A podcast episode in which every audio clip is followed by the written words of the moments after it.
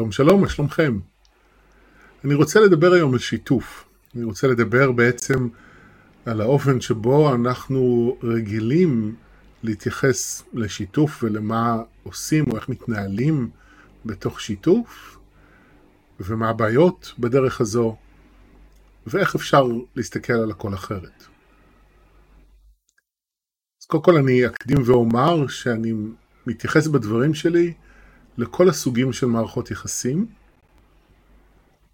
זה יכול להיות בעבודה, במשפחה, שותפים בדירה, זוגיות, חברים, שותפים לעסק.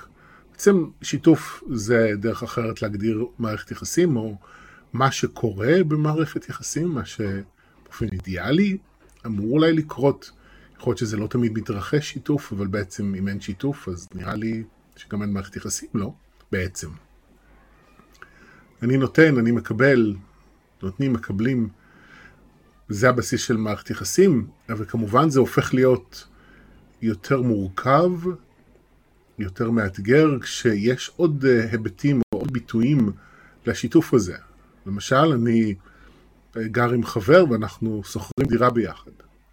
או כמובן זוגיות, שגרים ביחד, ואולי אפילו יש נכסים משותפים, או מביאים ילדים לעולם, או פותחים עסק ועובדים ביחד בעסק, ואז השיתוף הופך להיות יותר מגוון, יותר מרובה היבטים, ביטויים. בעצם כל פעם שאנחנו עושים משהו ביחד, אנחנו משתפים פעולה. וככל שהדבר שאנחנו עושים ביחד הוא יותר קבוע, יש לו יותר היבטים והשלכות, ככה האתגר נהיה יותר גדול. עכשיו, מה האתגר כאן? יש, יש הרבה, כמובן, דברים שיכולים לקרות בתוך אה, שיתוף. אנחנו רגילים להתייחס לעולם באופן שמפריד אותי מהעולם. זאת אומרת, יש אותי ויש את הבן אדם שאיתו אני כרגע נמצא בשיתוף פעולה. והבסיס הזה הוא טבעי, אנחנו רואים את הדברים ככה, העולם גם בנוי ככה, יש הפרדה, יש גבול פיזי לדברים, ולמרות שבנקודת מבט היותר רחבה, אז הכל מחובר והכל אחד, בחוויה האנושית שלנו, הדברים נפרדים ונבדלים, יש את המקום שבו אני מתחיל ומסתיים, והבן אדם השני, ואנחנו גם רגילים לזה שאנחנו משפיעים אחד על השני, ואיך שאנשים מתנהגים ומה הם עושים ולא עושים משפיע עלינו ולהפך. וכל זה הוא טבעי, נפוץ, אין לי ויכוח עם זה, או אין לי איזה שהן השגות לגבי זה. איפה הבעיה מתחילה? היא מתחילה בגלל שמלמדים אותנו, היא מתחילה בעצם זה שלימדו אותנו שאנחנו מתחלקים. מלמדים את זה ילדים מגיל מאוד צעיר לחלוק צעצועים, לחלוק את תשומת הלב של המבוגרים. מלמדים אותנו שאנחנו צריכים לוותר ולהתפשר, ושיש עוד מישהו איתנו שגם לא יש מקום. ואז מה שקורה כשאנחנו גדלים, אנחנו גם רגילים שהבן אדם שאיתו אנחנו נמצאים בשיתוף, גם הוא צריך לקחת אחריות.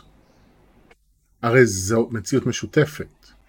אם אני גר עם חבר ואנחנו שוכרים דירה ביחד, הדירה היא באחריות משותפת, אפילו פיזית אנחנו חתומים שנינו על החוזה נגיד מול בעל הבית. אם אני מביא ילד לעולם עם הבן זוג שלי או הבת זוג שלי, באופן טבעי, אנחנו שותפים. לשנינו יש השפעה, לשנינו יש אחריות. כך גם לגבי עסק, נכסים משותפים וכן הלאה וכן הלאה. כאילו נשמע נורא הגיוני, נכון? אבל פה בדיוק מתחילה הבעיה. כי ברגע ששני אנשים לוקחים 50% אחריות, התוצאה היא בערך 20-30% מהתחומי האחריות לא מטופלים. בניגוד למתמטיקה הבסיסית, בכלכלת ההתנהגות, אני אגדיר את זה ככה, אני לא יודע אם זה מושג אמיתי, פשוט המצאתי אותו כרגע, אבל בכלכלת ההתנהגות, 50 אחוז אחריות ועוד 50 אחוז אחריות נותנים 70 אחוז אחריות. במקרה הטוב, 80 אחוז אחריות. תמיד יהיו דברים שנופלים בין הכיסאות. למה? כי אני מצפה שהבן אדם השני יעשה את זה, הוא ייקח אחריות. הרבה פעמים זו ציפייה שהיא נעשית באופן אוטומטי, ללא תקשורת, שזה חלק גדול כמובן מהבעיה פה, באופן שהבעיה מתממשת, והצד השני מניח את אותו דבר לגביי.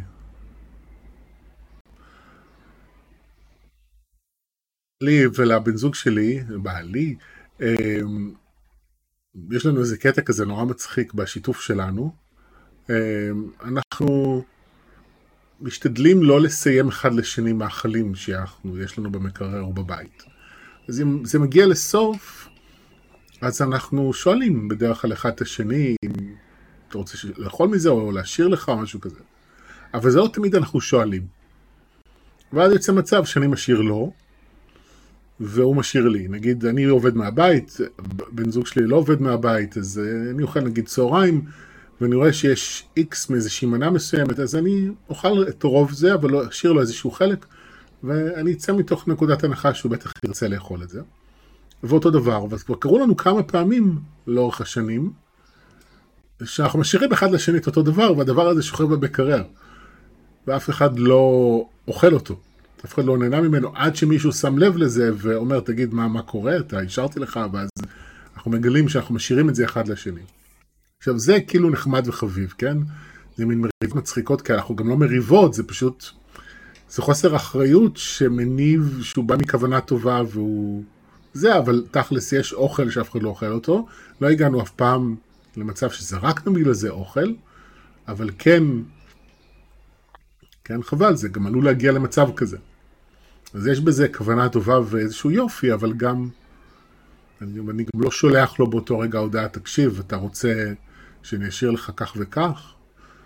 ואז אני יודע, או כותב לו, תקשיב, השארתי לך. לא, יש איזו שתיקה כזאת, איזה מובן מאליו. וזה בדברים האלה, אבל זה גם קורה בהמון דברים אחרים בתוך מערכות יחסים.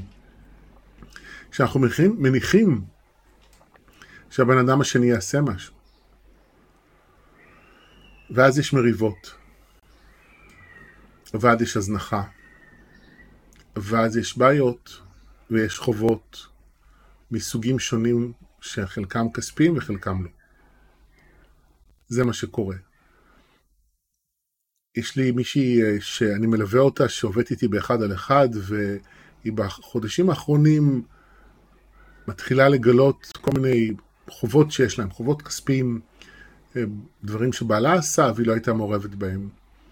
ובשבילי זה, אנחנו מדברים הרבה על השיתוף שלהם בעצם, השיחה איתה, שיחות איתה הם אחד הטריגרים להקלטה של הפרק הזה, כי זו סיטואציה כזאת, לא יש את החשבון בנק שלו ושל העסק, לה יש את החשבון שלה.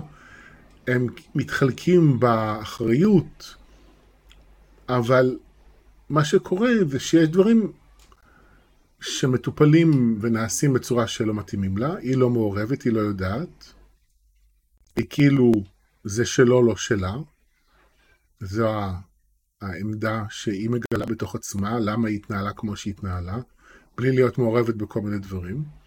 רק העניין כאן זה שאם יש איזושהי בעיה וצריך פתאום להחזיר חובות, או יש עניינים עם רשויות, את הרשויות זה לא מעניין שהיא לא רצתה לקחת אחריות ולהתמודד עם דברים, כי מבחינת הרשויות יש פה זוג נשוי, שני חשבונות בנק, שניהם רשומים על שני החשבונות, שניהם אחראים 100% לכל מה שקורה.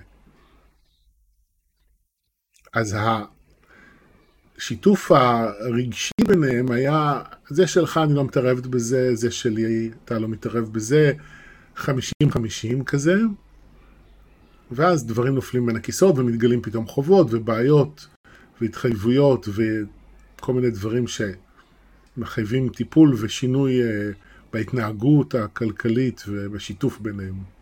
וזה העניין.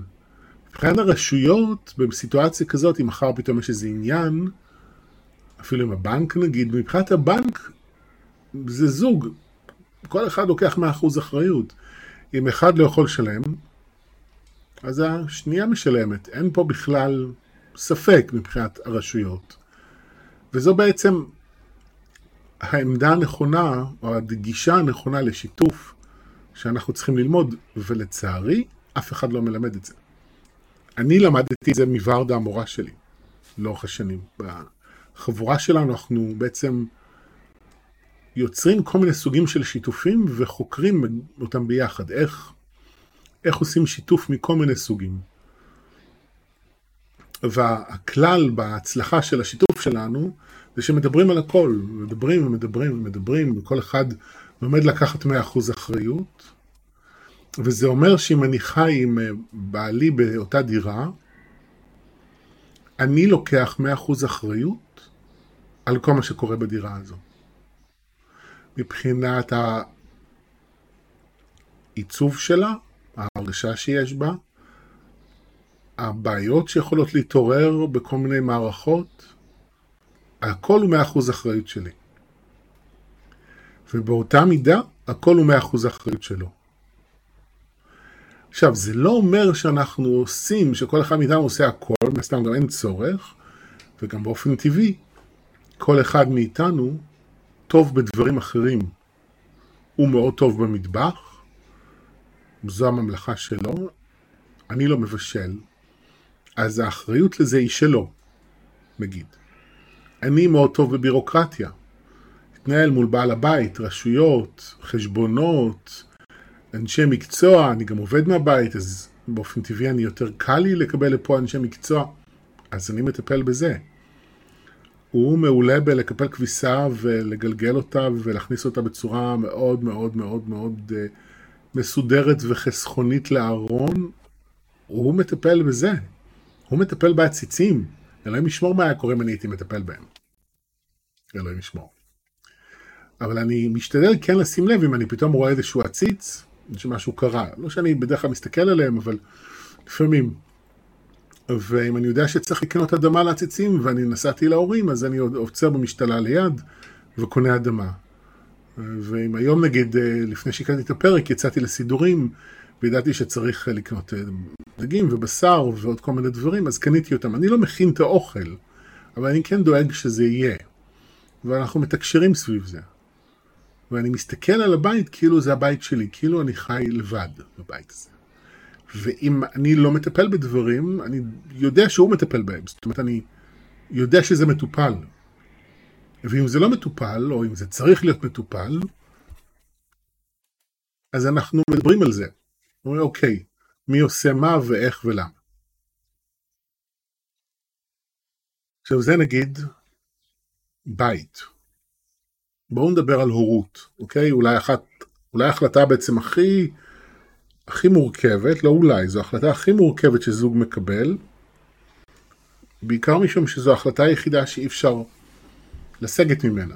רכוש משותף אפשר למכור, נישואים אפשר לסיים, ילדים הם תמיד נמצאים, ההורות היא תמיד משותפת, גם אם זוג כבר נפרד. אז נגיד בחבורה שלנו, בעשור האחרון בערך, התחילה להתעורר שאלת ה... מי רוצה להיות הורה או לא. וכתוצאה מזה חלק מה... מהזוגות גם החליטו שכן, והביאו ילדים לעולם. אבל אחד הדברים שעלו בתוך זה, וזו נקודת מבט לא מובנת מאליה, שאני מאוד אוהב, היא שכל אחד מבני הזוג שרוצים, או בעצם כל אחד צריך לשאול עבור עצמו. זאת אומרת, גם אני, כי אני, ההחלטה שלי הייתה שלא, אני לא רוצה להיות הורה, אבל גם אני בתוך השאלה הזו, שואל את השאלה הזו, קודם כל אני, לא אנחנו, למרות שזו החלטה משותפת, קודם כל אני צריך להיות מחובר לעצמי ולראות מה אני רוצה. האם אני רוצה להיות הורה או לא.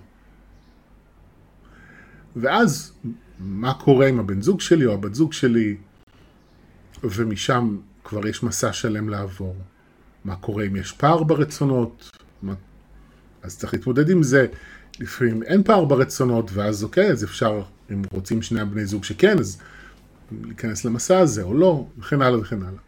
ולמה זה חשוב השאלה הזו? כי אנחנו לוקחים כמובן מאליו שאם אני והבן זוג שלי נגיד רוצים להיות הורים, אז אנחנו נגדל את הילדים ביחד, וזה בכלל מובן מאליו. אנחנו עשויים להיפרד.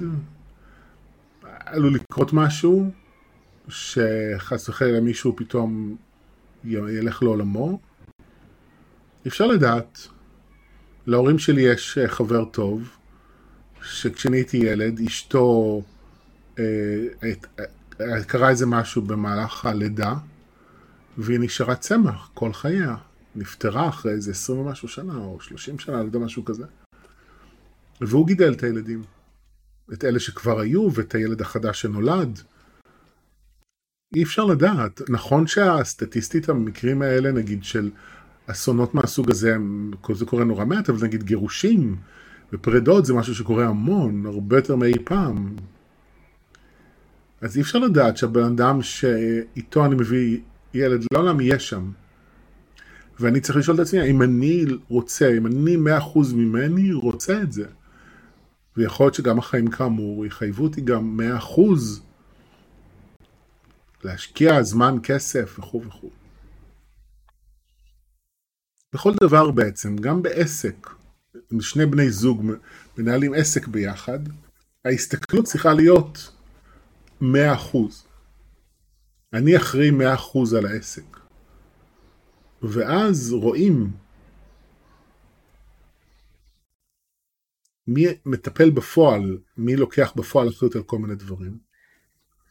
אחד הדברים שהחבורה שלנו עושה, אנחנו שוכרים הרבה שנים, זאת אומרת כבר לפחות איזה עשור, יותר, אה, לדעתי זה 13 שנה, אנחנו שוכרים בית בעמק האלה, אנחנו כולנו גרים בתל אביב, אנחנו אוהבים גם להיות אה, בחוץ, בטבע קצת, אז אנחנו שוכרים בית באיזה מושב בעמק האלה, שלשם חלק מאיתנו, אנחנו עושים בסופי שבוע מי שרוצה, יכול לנסוע גם באמצע שבוע, אבל כולנו עובדים, אז בדרך כלל זה בסוף שבוע. ככה לנוח מהחיים בעיר ולהיות באיזשהו מקום יותר שקט. עכשיו, אנחנו חבורה של איזה עשרים ומשהו אנשים שעושים את זה ביחד. באופן טבעי, לא כולם נמצאים בבית הזה באותה תדירות, לא כולם חתומים מול בעל הבית על החוזה, לא כולם משלמים חשבונות, לא כולם מטפלים בבעיות שיש לטפל. זאת אומרת, כל אחד עושה דברים אחרים. אז נגיד אנחנו קבענו שמי שנמצא בסוף שבוע, כשמסיימים את הסוף שבוע מנקים את הבית ומסדרים אותו. מטאטאים, שוטפים את הרצפה, שואבים שטיח אם צריך. ופעם בתקופה ארוכה אנחנו מתגייסים לנקות את הבית יסודי או משלמים למישהו שיעשה את זה. אבל בשוטף יש כמה שחתומים מול בעל הבית, אם יש מי שמטפל בחשבונות וכן הלאה וכן הלאה, אבל אנחנו מדברים על הכל. אנחנו מיידעים את כולם על הכל. והלמידה היא שכל אחד מסתכל על, הש... על הבית כבית שלו. ואז יש לי דאגה ואחריות לזה. עכשיו, כמובן זה למידה, קל לשכוח את זה, כי בשיתוף, בגלל שאנחנו כל כך רגילים ל-50-50 הזה, ויש עוד בן אדם שעושה דברים, אז אני יכול לא לקחת אחריות. ואז זה מייצר מתחים, זה מייצר לפעמים מריבות, ואז צריך לדבר על דברים. אנחנו מדברים על הדברים ומלבדים אותם. אז נגיד בכסף אנחנו משלמים שווה בשווה שכר דירה, למרות שהשימוש בפועל הוא שונה. כי אנחנו משלמים בשווה בשווה על האופציה, וכל אחד משתמש כמה שהוא רוצה. ככה גם על החשבונות למשל. אבל מי שבא לסוף שבוע, קונה אוכל להביא איתו, אז זה מתחלק בין האנשים שהיו באותו סוף שבוע, אבל יש גם, נגיד, השקעה במצרכי יסוד שנמצאים בבית שוטף, שיכולים לשמש אנשים לאורך תקופה. אז אנחנו מוצאים את הביחד ולחוד בתוך שיתוף, איך, איך יוצרים שיתוף שבו כולם מרגישים טוב, שזו בסופו של דבר הכוונה שלנו. שכל אחד בשיתוף ירגיש טוב, ואם יש דברים שהם מייצרים איזה מתח או מרירות, משהו כזה, אז אנחנו מדברים עליהם, וזה נורא חשוב, זה מאוד חשוב לדבר עליהם, וזה משהו שגם אנחנו לא רגילים לעשות בתוך שיתוף, אנחנו רגילים לשתוק, לשמור דברים בבטן, ובגלל זה, דרך אגב, הרבה פעמים שיתוף לא מצליח בתוך מערכות יחסים. אנשים פשוט רגילים רגילים לשמור את הכל לעצמם, במיוחד אם מפחיד לדבר, ולא נעים, ולא יפה, וזה קטנוני, וככה וככה, ואז שיתוף מתפרק באיזשהו שלב. זה מייצר בלגן, מריבות, ושיתופי פעולה, בוודאי שיתופי פעולה של קבוצות, לא מחזיקים בדרך כלל מעמד הרבה מאוד שנים, בדיוק מהסיבות האלה. כי לא מדברים, ולא לוקחים 100% אחריות. וזה מאוד חשוב. אז אני אומר את כל הדברים האלה כדי להציע בעצם נקודת מבט אחרת על האופן שבו אנחנו יכולים לחיות את החיים. אני תמיד עושה את זה בפרקים, כל הפודקאסט מוקדש לזה, אבל העניין הזה עם שיתוף הוא עניין מאוד משמעותי. כי אם אני לוקח 100% אחריות, אז אני יודע שכל 100% מהדברים נעשים, ובפועל אנחנו מחלקים את זה בהתאם למה שכל אחד טוב בו. ואנחנו גם מתחשבים בנקודות החלשות. וזה עוד עניין, אולי עניין מאוד חשוב. יש לנו הרבה פעמים בתוך שיתוף ציפייה מאנשים שיהיו כמונו, שירצו דברים כמונו, יעשו דברים כמונו, שיהיה להם, חשובים את אותם הדברים שחשובים לנו. וכשזה לא קורה, ובדרך כלל זה לא ככה, בדרך כלל יש פער, יש הבדל, אז מתעורר כעס, ואז יש מריבות. רואים את זה נורא חזק בזוגות, אבל בכלל בכל מיני סוגים של שיתוף. אז בזוגיות זה נורא חזק בגלל שיש חיבור לבבות נורא עמוק, ואנחנו מרגישים מחוברים, ואז קשה הרבה פעמים להתמודד מתוך החיבור הזה עם, ה, עם ההבדל, הפער בין החיבור בין האחד לבין ההבדל. ואנחנו מנסים להיות כמו, או מצפים שהבן אדם שאנחנו חיים איתו יהיה כמונו. וזה לא עובד. אני זוכר שהייתה לי שותפה, חברה מאוד טובה שהלכה לעולמה לפני כמה שנים, קראו לה מאיה, ואנחנו גרנו ביחד במשך חמש שנים אה, בדירה. בתוך החמש שנים האלה, שלוש שנים זה היה רק שנינו, ואחרי, בשנתיים האחרונות כבר הייתי עם הבן זוג שלי, עם שי, והוא הצטרף וגרנו שלושתנו. ואני זוכר בהתחלה יחסית את השיחות שלנו על השיתוף, על הניקיון של הבית, על הסידור של הבית. גרנו אז באיזה דירה בתל אביב, שהרצפה שלה זה הרצפת סומסום הזאת, שיש המון המון המון המון פרטים. ואני לא הייתי רואה את הצורך לטאטא את הרצפה. היא הייתה עושה את זה, אני, זה לא היה הסיפור שלי. לא ראיתי את זה בכלל, ואני זוכר שאמרתי לה אז, גם על הרצפה הזאת קשה לי לראות פרטים, גם אני מטר תשעים ושלוש, ואני לא נוטה להסתכל לשם, זה נמוך, רחוק ממני, אני לא רואה את הפרטים האלה. אמ, עכשיו אני לא כזה היום נגיד, אוקיי? גם יש לנו רצפה אחרת, חלקה כזאת, רואים עליה הכל. גם אני יותר מחובר לאדמה, אז אני יותר שם לב לדברים האלה. זאת אומרת, השתניתי במהלך הכמעט 20 שנה שעברו מאז שגרנו ביחד. מה שהתחלנו. אבל זה מה שהייתי אז. אז היא, תת... היא הייתה אחראית על זה, על לטאטא את הרצפה. אני עשיתי דברים אחרים. יכולנו לריב על זה. היא יכלה לכעוס עליי. למה אני כל הזמן עושה את זה? אבל אז זה לא הפריע, ככל שזכור לי לפחות, לא הפריע לה לעשות את זה, ואני, זה לא היה בכלל בסיסטם. אז התחלקנו. אני עשיתי דברים אחרים, לדעתי גם אז עשיתי חשבונות ובעל בית וכאלה. וזה נורא חשוב ללמוד את הגמישות הזאת בתוך שיתוף, בחלוקת אחריות. ויש כל אחד את המקומות שיותר קל לו בהם ויותר קשה לו בהם, וזה לעולם לא יהיה, אנחנו לא נהיה אחידים. השיתוף הוא מבוסס על שונות ועל קבלה של השונות הזאת. ואז אם אני מקבל את השונות הזאת, אז אפשר גם להיות יצירתיים ולראות איך מפיקים מזה את המירב. אז נגיד, כמו שתיארתי מקודם, אז בעלי הוא זה שאחראי על האוכל. אני אחראי על וולט, אני מדי פעם מזמין לנו איזה משהו בוולט, הוא מכין את האוכל, אמא שלי מכינה לנו לפעמים אוכל. אנחנו, ככה אנחנו חיים את החיים בשנים האחרונות. ואם צריך אני אפעיל מכונת כביסה, אבל תכלס הוא גם לא רוצה שאני אעשה את זה, אז זה עבר לתחום האחריות שלו באופן אה, כמעט בלעדי.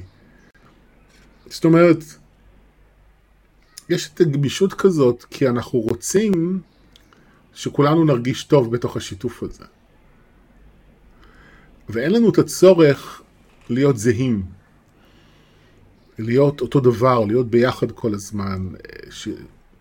אנחנו לא רואים בפער הזה, בהבדלים הללו, כמו איזה מבחן להאם אני אהוב, האם אני רצוי, האם אכפת לו ממני. אין את, את זה. הרבה פעמים יש את זה, ואז אם הבן זוג שלי לא אכפת לו מהדברים שלי אכפת, אז זה מתורגם אוטומטית לאני לא מספיק חשוב, לאני לא ראוי, לאני לא, לא אכפת לו ממני, אה, ואז כבר יש קורבנות וכעס ומריבות וכן הלאה וכן הלאה. כי בפועל, יכול להיות שיש מקרים שבהם בתוך השיתוף הבן אדם שאני חי איתו באמת מתנהג מתוך איזו אטימות. יכול לקרות, אני לא אומר. יכול להיות שיש שם אטימות, יכול להיות שיש שם חוסר אכפתיות. וצריך לבחון כל מקרה לגופו. אבל גם צריך לבחון כל מקרה לגופו, זה משפט שנכון גם הפוך. לא כל מקרה מעיד על חוסר אכפתיות. לפעמים פשוט יש, סליחה, הבדלים בינינו כבני אדם, שאנחנו צריכים להכיר בהם, ואנחנו צריכים ללמוד לקבל אותם ולחיות איתם. אני לא אצפה מבן אדם מרחף שלא מסוגל להתמודד עם ניירת, להיות מקורקע ולטפל בניירת. ובמקרה הזה דווקא זה לא בא לי, אבל לא משנה. אני אתן דוגמה מכל מיני סיטואציות של זוגות אני מכיר. אני לא אצפה ממנו להיות כזה, כי, כי הוא כזה, כי זה הבן אדם. אוקיי? Okay? אז כשאתם נכנסים לתוך שיתוף, אתם צריכים לברר, זה נורא חשוב לברר מה באמת אתם צריכים ומה באמת אתם רוצים, ולעשות איזה מין הבדלה כזו, הפרדה בין המטענים הרגישיים האלה שהופכים את השיתוף לסוג של מבחן, לשיתוף עצמו. כי אם אני רוצה להרגיש אהוב בתוך שיתוף, אני לא צריך לבחון את הבן זוג שלי, שאם הוא אה, הרים את הכביסה מהרצפה, אז סימן שהוא אוהב אותי. לא. אם אני צריך לדעת אם הוא אוהב אותי, אני פשוט יכול לשאול אותו. זה הרבה יותר קל, זה הרבה יותר פשוט. אני לא צריך לבחון, אני יכול פשוט לדבר. וזה נורא קשה לעשות את זה, אנחנו לא רגילים לחשוף נידיות וצורך ולעלות ולחשוף חוסר ביטחון, זה כאילו לא מושך ולא סקסי וכל מיני מילים כאלה. אבל בפועל זה הכי פותח לב בעיניי. לפחות את הלב שלי זה פותח. ואני גם אוהב את זה שבתוך הזוגיות שאני חי בה יש מקום לשאלות האלה, לחוסר ביטחון הזה. אנחנו מקבלים את העובדה שאנחנו לפעמים צריכים חיזוקים, וזה בסדר פשוט לשאול אם אתה אוהב אותי. למרות שזה ברור לי שהבן זוג שלי אוהב אותי, אני עדיין לפעמים חסר ביטחון, וזה לא ברור לי, ואני צריך לשאול את זה, אז אני פשוט שואל את זה. ואז אני לא מתעסק במבחנים ובמריבות מדומות על דברים שבאמת אין שום סיבה לריב עליהם. אפשר פשוט ללמוד לדבר. לבטא את הצרכים שלנו, לבטא את הרגשות שלנו, ולבדוק או לוודא שיש בתוכנו את הכוונה הזו, שהיא לב כל העניין בעיניי, שאנחנו נרגיש טוב בתוך השיתוף הזה, בתוך הביחד הזה. לא רק שאני ארגיש טוב, אלא שגם בן אדם שאני בשיתוף איתו, גם הוא ירגיש טוב, לא משנה כאמור איזה שיתוף מדובר. עסקי, זוגי, משפחתי, חברי, כלכלי, וכן הלאה וכן הלאה.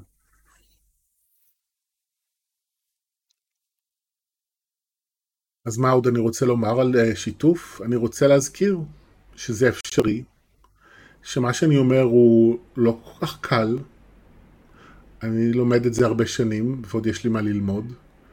אני יכול אולי לדבר על זה מאוד בבהירות, זה נשמע אולי מה הבעיה, אבל זה מורכב, אז תנו לעצמכם את הסבלנות ללמוד. רק חשוב שתסכימו ללמוד, כי אפשר לחיות יותר טוב בתוך שיתוף, אם כל אחד לוקח 100% אחריות ולומד לדבר את עצמו באמת, את הרגשות, את הצרכים ואת הרצונות. זהו, תודה רבה שהאזנתם, אני מקווה שזה עזר לכם, ניפגש בפרק הבא. ביי ביי.